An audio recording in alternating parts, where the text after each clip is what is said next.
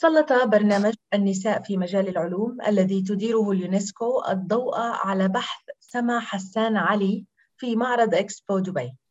وتصبو اليونسكو ومؤسسة لوريال من خلال هذا البرنامج إلى تكريم العالمات اللائي تضج مسيرتهن المهنية بإسهامات بارزة كفيلة بالتغلب على التحديات التي تواجه عالمنا في هذا اليوم. أهلا وسهلا بك سما مع أخبار الأمم المتحدة. أهلا وسهلا بحضرتك. سما في البداية أنت من العراق وطالبة دكتوراه نعم. نعم. هل لك أن تحدثينا أكثر عن نفسك ومجال عملك ودراستك؟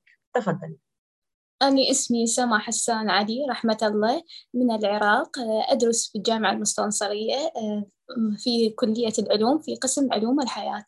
وأنا حال وأنا حاليا طالبة دكتوراه في مجال العلوم علوم البيولوجي. وخاصة في علوم البيئة. لماذا اخترت مجال العلوم على وجه التحديد؟ أم أنه كان شغفك منذ الصغر؟ منذ صغري كان لدي شغف بالعلوم وخاصة في العلوم الطبيعية لأنها تدخل في جميع مجالات الحياة فهي على ارتباط متواصل مع الإنسان وهي تنمي العقل من خلال فهم المشكلات ومسبباتها وإيجاد الحل المناسب لذلك المشكلات. العلوم الطبيعية علوم الحياة علوم الكيمياء الفيزياء يعني جميع مجالات العلوم. أشكرك على التوضيح. تم إبراز بحثك من قبل اليونسكو ومؤسسة لوريال في معرض إكسبو دبي. هل تحدثينا أكثر عن هذا البحث وما الذي ينطوي عليه؟ يعني أنا بعد اطلاعي على التقارير السابقة وعلى منظمة تقارير منظمة الصحة العالمية لاحظت هنالك زيادة في مستويات التلوث في العالم وخاصة في العراق. ولأن العراق بلد غني في النفط لذلك ركزت أبحاثي على مجال النفط. فهو يؤدي تلوث النفط إلى تلوث التربة وبالتالي ينتقل إلى النبات وينتقل خلال السلسلة الغذائية إلى الإنسان. فهي تسبب آثار سيئة على الإنسان على مدى السنين. السنين يمكن لا لا يظهر هذا الآن الآثار ولكن يظهر على مدى العقود البعيدة. آه، لذلك ابتكرنا طرق بيولوجية تكون غير مكلفة وتكون صديقة للبيئة لمعالجة هذه الملوثات. كما ذكرت العراق بلد نفطي لكنه أيضا عانى من ويلات الحرب وانعدام الاستقرار كثيرا. هل ترين أن التعليم يعود ليأخذ مكانه في هذا البلد العريق؟ يعني على الرغم من الحروب اللي واجهها العراق سابقا لكن أنا ألاحظ الآن يعني أغلب الطلبة العراقيين يوجهون حافزهم الداخلي لحل هذه المشكلات ولإيجاد الحلول المناسبة فأغلبهم توجهوا إلى إكمال دراستهم العليا. والآن إذا نلاحظ في ضمن مستوعبات سكوبس وثومسونز آه، زيادة في عدد البحوث المنشورة العراقية. المرأة على وجه التحديد يعني عندما تكون المرأة عالمة أو بارعة في مجال العلوم يتم الاحتفاء بها وكأنه حدث نادر ما هو المطلوب لتشجيع الفتيات على التوجه إلى المجال العلمي؟ الفتيات للدخول في المجال العلمي وذلك لأن المرأة هي نصف المجتمع وبالتالي هي نصف إمكانياته. فعندما دخول المرأة في المجال العلمي يؤدي ذلك إلى إطلاق إمكانيات المجتمع الكاملة وتحقيق أحد أهداف التنمية المستدامة. فيجب فيجب منح الفتيات أساسا قويا وذلك من خلال برامج تنمية الطفولة المبكرة. فهي التي تؤدي إلى إنتاجية عالية في مراحل متقدمة من العمر فهي تبني أساسا وتبني السلوك والموهبة العلمية. ويجب توفير بيئة مناسبة للعمل في المجال البحث العلمي وكذلك توفير التسهيلات من قبل الدولة للنساء للدخول في مجال البحث العلمي. جميل. سما كونك امرأة تبرع في مجال العلوم هل من تحديات أمامك؟ هل واجهت أي تحديات؟ أكيد وكل أمرأة يعني عراقية أو عربية تواجه العديد من التحديات خاصة آه، صعوبة الموازنة بين الحياة الاجتماعية والحياة المهنية. فعلى صعيد الحياة الاجتماعية هناك كثير من النساء آه، تعاني من منع من دخول آه، من منع من الأهل من دخولهن إلى مجال التعليم.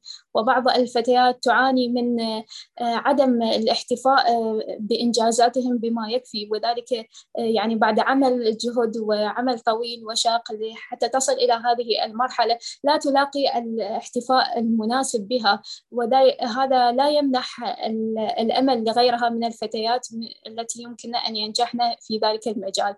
وبعض الأسر تلقي عبء المسؤولية على المرأة فهي تتحمل في واجبات المنزل وتقوم في واجبات الأسرة بشكل عام فهذا يقلل من فرص تطورها وتقدمها.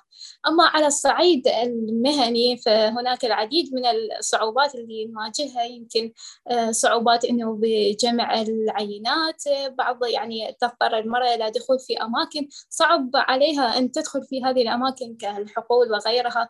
يعني هي أماكن أكثر مخصصة للرجال.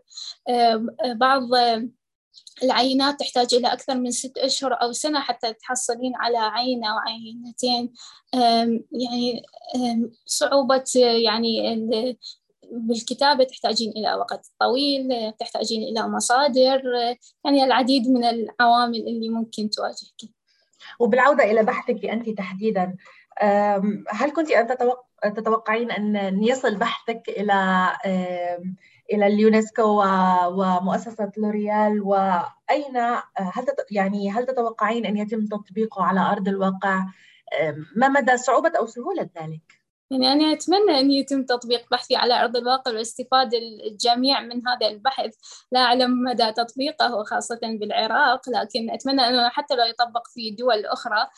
وبحثي يعني كنت سعيدة جدا لأنه وصل إلى يونسكو. طبعا أحب هذه المناسبة أنه أشكر منظمة لوريال يونسكو من أجل المرأة في العلم على تشجيعها ودعمها للنساء في مجال البحث العلمي وتوفير فرص أن نحن كسيدات وتعزيز الثقة بالنفس وتوفير دعم معنوي لجميع النساء في مجال البحث العلمي. وأين تطمحين بالوصول في في علمك ودراستك؟ أعلم أنك تدرسين الدكتوراه الآن لكن ما هو سقف طموحك؟ يعني أتمنى أنه أكمل العديد من أبحاثي آه، وأركز على مجال البيئة وأحل العديد من المشكلات آه، نتطور في مجال أبحاثنا ونتواصل مع الباحثين في الغرب لكي الاستفادة بشكل كامل من جميع الخبرات وأتمنى تطوير ذاتي أكثر من الآن لأن أنا بعدني في مرحلة الدكتوراه فالعلم بحر يحتاج إلى الكثير من المعلومات والدراسة وما هي آه، رسالتك للنساء والفتيات في آه، العراق وحول العالم أيضاً؟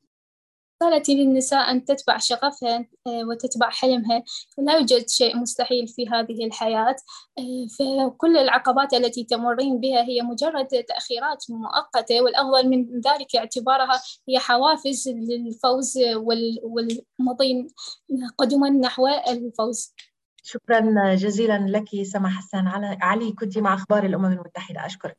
آه، شكرا جزيلا لحضرتك عندي بس ملاحظة. أحب أشكر تفضل. يعني أحب أشكر بالبداية مثل ما قلت منظمة لوريا ويونسكو من أجل المرأة في العلم على دعمها وتشجيعها للنساء العربيات في الوطن العربي ومنح الفرصة لجميع النساء الشابات الآن للتقديم إلى البرنامج. وأحب أن أشكر عائلتي فهم من كانوا سند لي وداعمين على المستوى المادي والمعنوي لإكمال دراستي. وأحب أن أشكر مشرفتي الدكتورة ريام ناجي فهي آه، من قامت بدعمي وتشجيعي للوصول إلى هذه المرحلة فهي حائزة على العديد من الجوائز آه، على مستوى العالم. آه، وأتمنى أن أكون قدوة لغيري من الشابات في الوطن العربي كما هي كانت قدوة لي. شكرا جزيلا.